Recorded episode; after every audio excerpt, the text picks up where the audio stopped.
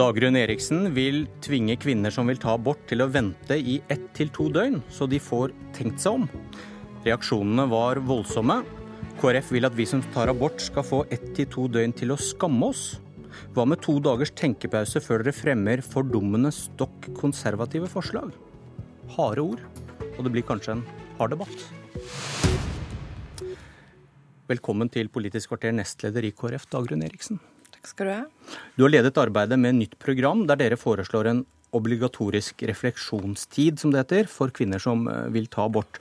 Og til Klassekampen i går sa du jeg tror mange tar avgjørelsen nesten uten at de føler de henger med. Hva slags grunnlag har du for å hevde det? Vi har veldig lite kunnskap, men det vi har av kunnskap, eh, viser at en del kvinner sier at den prosessen har gått for fort. Men la meg først starte litt med Nei, begynnelsen. svar på det spørsmålet. Hva, Ja, det hva gjorde hva det. grunnlag, hva, ja, hva er grunnlaget? Hvor har du det fra? F.eks. Anne Nordahl Brun, som har, gjort den, som har gjort den som har gjort den store kvalitative undersøkelsen, som sier noe om ettervirkningene og hva man ikke visste, eh, særlig på de psykiske helseplagene.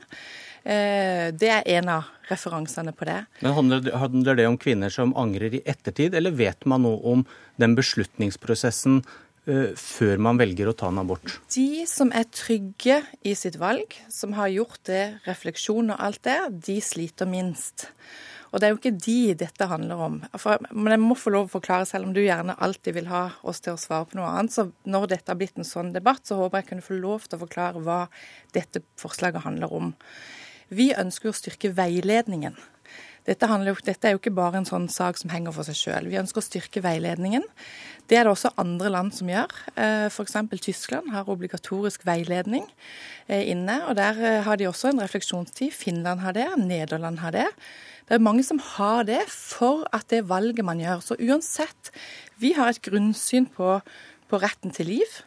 Andre har andre syn, men det at det valget som gjøres skal være et trygt valg, at man vet om, f.eks. hvis man venter et barn med funksjonshemming eller andre ting, vet om hvilke ordninger som faktisk finnes, sånn at det valget du gjør er informert. Det er vår hensikt. Det er ikke meningen eller tanken at man skal tenke at hvis du har gjort et valg, så må du gå hjem i håp om at du skal ombestemme seg. Dette er ikke tiltakene for å få ned aborttallene.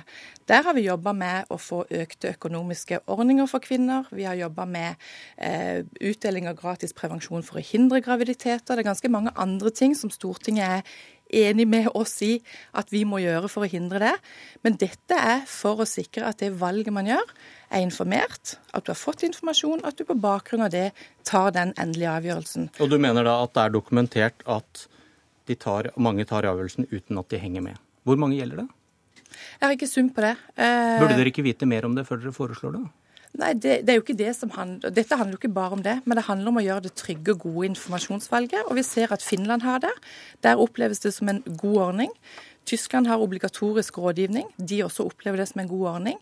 Det som jeg forundrer meg litt med motreaksjonene i dette, er at det blir et prinsipp at man ikke skal ha det informerte valget. Og for mange så vil det i praksis ikke bli endring. For de som i dag tar kontakt med fastlege, eh, og etterpå får time til selve aborten, vil kunne få den veiledningen i den første, og aborten utføres i neste møte. Så det blir ingen endring på de. Okay. Men der hvor man har endra lovverket nå, som gjør at du kan henvende deg direkte til sykehus, så vil det måtte være at man da får et ekstra møte enn det man har eh, lagt åpning for i dag. Så i realiteten så er det ikke. Og så har jeg jo lyst til å bare Nei, nå, nå må vi slippe til grenser, Kari Elisabeth Kaski, partisekretær i hvis dette kommer i konflikt med grensa for loven, så respekterer vi den. Da er det lovens grense som gjelder. Det skal ikke være en forsøk på å skyve ut, sånn at du ikke får mulighet til å kunne ta den aborten hvis det er det du ønsker. Ok, Kari Elisabeth Kaski, partisekretær i SV. Nye tall i går. Det ble gjort 14 000 aborter i Norge i fjor. Og hvis dette forslaget om refleksjonstid kan kanskje få ned dette tallet, hvorfor er det så ille? Kvinner skal jo fortsatt få bestemme selv. Ja, Det er jo et forslag om obligatorisk refleksjonstid. Eh, og Det mener jeg er et eh, forslag som er veldig respektløst overfor kvinnen. Det er respektløst fordi eh, du for det første sier at kvinnen ikke har tenkt seg om. Dette er jo en utfattelig vanskelig avgjørelse som da 14 000 enkeltindivider med 14 000 ulike grunner har fatta. Og da har man hatt perioden fra man oppdaga man var gravid, fram til aborten ble utført til å reflektere over det. Og jeg tror ikke at noen slags statlig, obligatorisk refleksjonstid ville ha eh, endra det, annet enn at man får eh, nok et signal fra enkelte politikere om at det valget du er i ferd med å ta, er feil eller galt på et eller annet vis, fordi at du trenger en slags sånn påført veiledning og refleksjon rundt det. Jeg er helt enig i at vi må sikre at eh, de kvinnene som oppsøker enten sykehus eller fastlege eh, og eh, vil diskutere eller ønske å ta abort, skal få god informasjon. Det mener jeg at de får i dag. De har bl.a. mulighet til å få en gratis time hos fastlegen. La oss opprettholde den gode informasjonen som finnes i det norske helsevesenet, istedenfor å snakke om denne type obligatorisk veiledning og refleksjon. Altså, eh, Jeg tenker at den informasjonen man får, er god. Eh, I går så var jeg ganske eh, mye inne på mange blogger, og så hva er det man etterspør. Veldig mange sier at ja, vi får god informasjon på det som fysisk skjer med kroppen vår. Vi får veldig lite informasjon om de psykiske etterreaksjonene man har fått på flere steder. Det mener jeg at det å kvalitetssikre, det er en del av dette forslaget, kvalitetssikre den informasjonen som faktisk gir, at det gir et helhetlig bilde. Da vil mennesker være mer rusta til det som de møter, hvis de gjennomfører aborten. Det kan ikke jeg skjønne at det er en vanskelig ting. Og så er det den refleksjonstida. Hva gjør det? Hvis du, altså I dag så ser jeg mange, og det er ut man er usikker på. Klarer vi dette? Har vi økonomi til dette? Hvordan ser ordningene ut? Det å få det tilbudet, og så gå gjennom og så få tenke jo, men fortsatt så ønsker jeg å gjennomføre aborten. Ja, men da får du det etter dagens lovverk og etter dette forslaget. Det her er et forslag tenker... som handler om å, sende kvinnen i skammekroken Nei, for å tenke over det her en gang til. Hvis man ønsker, hvis man mener på ordentlig, hvis dere mener at informasjonen er for dårlig, ja, men så gå inn og se på hvordan kan vi bedre ja. den, istedenfor å innføre en slags sånn obligatorisk periode der kvinnen må sitte og føle litt ekstra på den byrden som det her er. Altså, det her er et forsøk fra KrF på å uthule retten til abort nok en gang. Vi ser det står svart på hvitt i forslaget til programmet deres at abortloven står fast fordi det er et flertall for det i Norge, heldigvis. Derfor skal de fortsette å fremme forslag som skal spise av små deler av abortloven bit for bit ved å uthule den. Vi ser at dette har skjedd i andre land, som i USA. Vi kommer til å kjempe mot ethvert sånt forslag. Tid til å skamme seg, Dagrun Eriksen? Altså, Jeg har hørt ord som skam, byrde og andre. Det kommer ifra venstresida i norsk politikk. Det er ikke dette det handler om. Det handler om å få lov til å ta et godt informert valg. Og jeg har lyst til å si Finland har det. De har selvbestemt abort. Nederland har selvbestemt abort. Tysk de har selvbestemt abort, men også gir den muligheten. Jeg husker når vi hadde forrige runde hvor det toppa seg dette, så var det noen som hadde en refleksjon. Vi har sagt vi må ta et ansvar for at denne debatten går i verdige former. Men det var noen som hadde en refleksjon på andre sida at selv om vi forsvarer selvbestemt abort, så har vi en plikt til også å fortelle noe om det vanskelige og krevende man skal igjennom. Det er ikke å øke en byrde eller å tenke at du skal påføre Veldig noen skam. Det, det, er faktisk å møte folk med respekt. Ja, men det er nettopp de av hensyn til at det her er et så krevende det her, det her er et så krevende valg for så mange kvinner. Derfor så må vi sikre at de får god informasjon. Ja, det dere foreslår, og der det står, er at det skal være en obligatorisk okay. periode der du må gå tilbake. Da Forlanger du av kvinnene å tenke seg bedre om, Nei. som om de ikke allerede har, har gjort det? Har du gjort det informerte valget, så kan du holde på med okay, akkurat det våre. du vil i det døgnet. Er du i tvil, så får du gjennom denne informasjonen en hjelp til å vite både hva du skal våre, gjennom, og hva du eventuelt kunne ha nådd opp. Våre tilmålte minutter er ferdig. Arbeiderpartiet avviser forslaget blankt. Erna Solberg sier hun må tenke på det.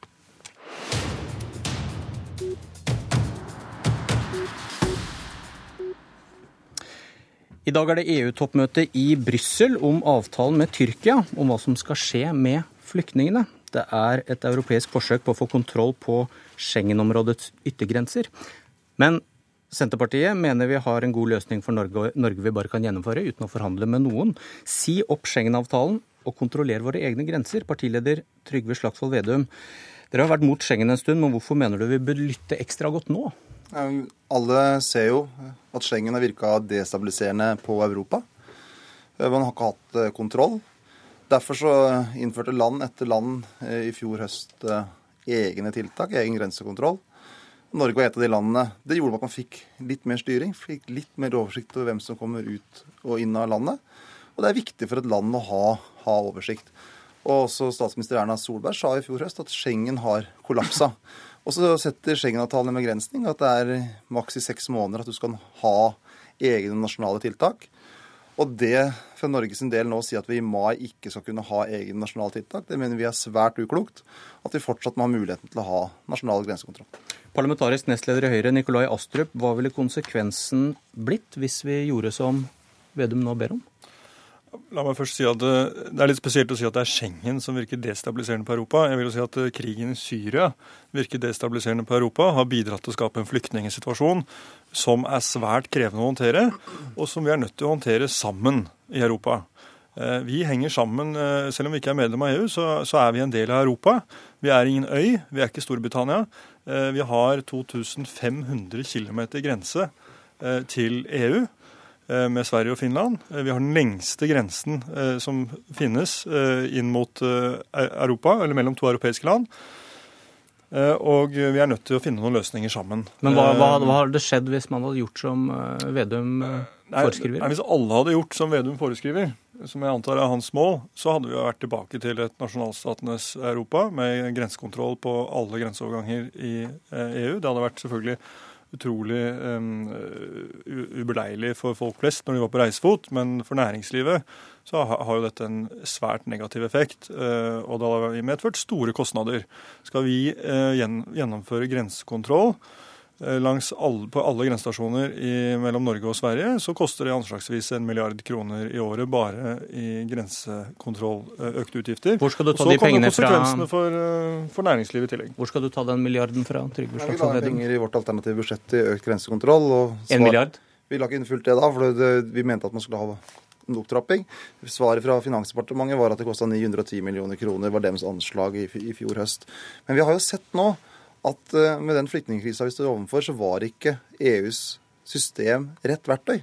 Altså Verktøyet kollapsa fordi at man hadde en naiv tro på en veldig streng felles yttergrense, men ikke ha noe indre kontroll. Vi mener at det er viktig at man har en indre kontroll også i Europa. for Hvor er det befolkningsstrømmene går? Eh, og det har jo land etter land i hele Europa mente det i fjor høst. Nettopp for å få mer kontroll når det sto på som verst og for å vite hvem er det som reiser inn og ut av Norge, eller hvem er det som reiser inn og ut av Sverige eller Danmark.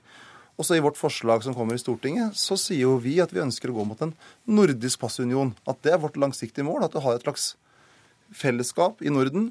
At vi eh, sammen tar ansvar for våre yttergrenser sånn som vi hadde fram til 2001. Så det er ikke noe radikalt forslag der. Det er et forslag om at et land skal ha kontroll ved sine grenser. Og vi ser i Europa nå har man ikke kontroll. Og et, et av grunnene for det før jul så kom det da EUs forslag om et felles grensebyrå, der man skulle bruke overnasjonal makt mot land som ikke fulgte EUs regler. Og vi er veldig uenig i en sånn tilnærming, at vi skal sentralisere mer og mer makt i Brussel. Vi tror det kommer til å skape mer konflikt, ikke mindre konflikt. Det han er redd for, er at når denne midlertidige adgangen til grensekontroll opphører, hva skjer da, Astrup? La meg først svare på dette med nordisk passunion. Det var en av grunnene til at vi gikk inn i Schengen. Det var mange grunner til det, men en av dem var jo at vi ønsket å bevare den nordiske pass- og reisefriheten som vi har hatt siden 50-tallet mellom de nordiske landene.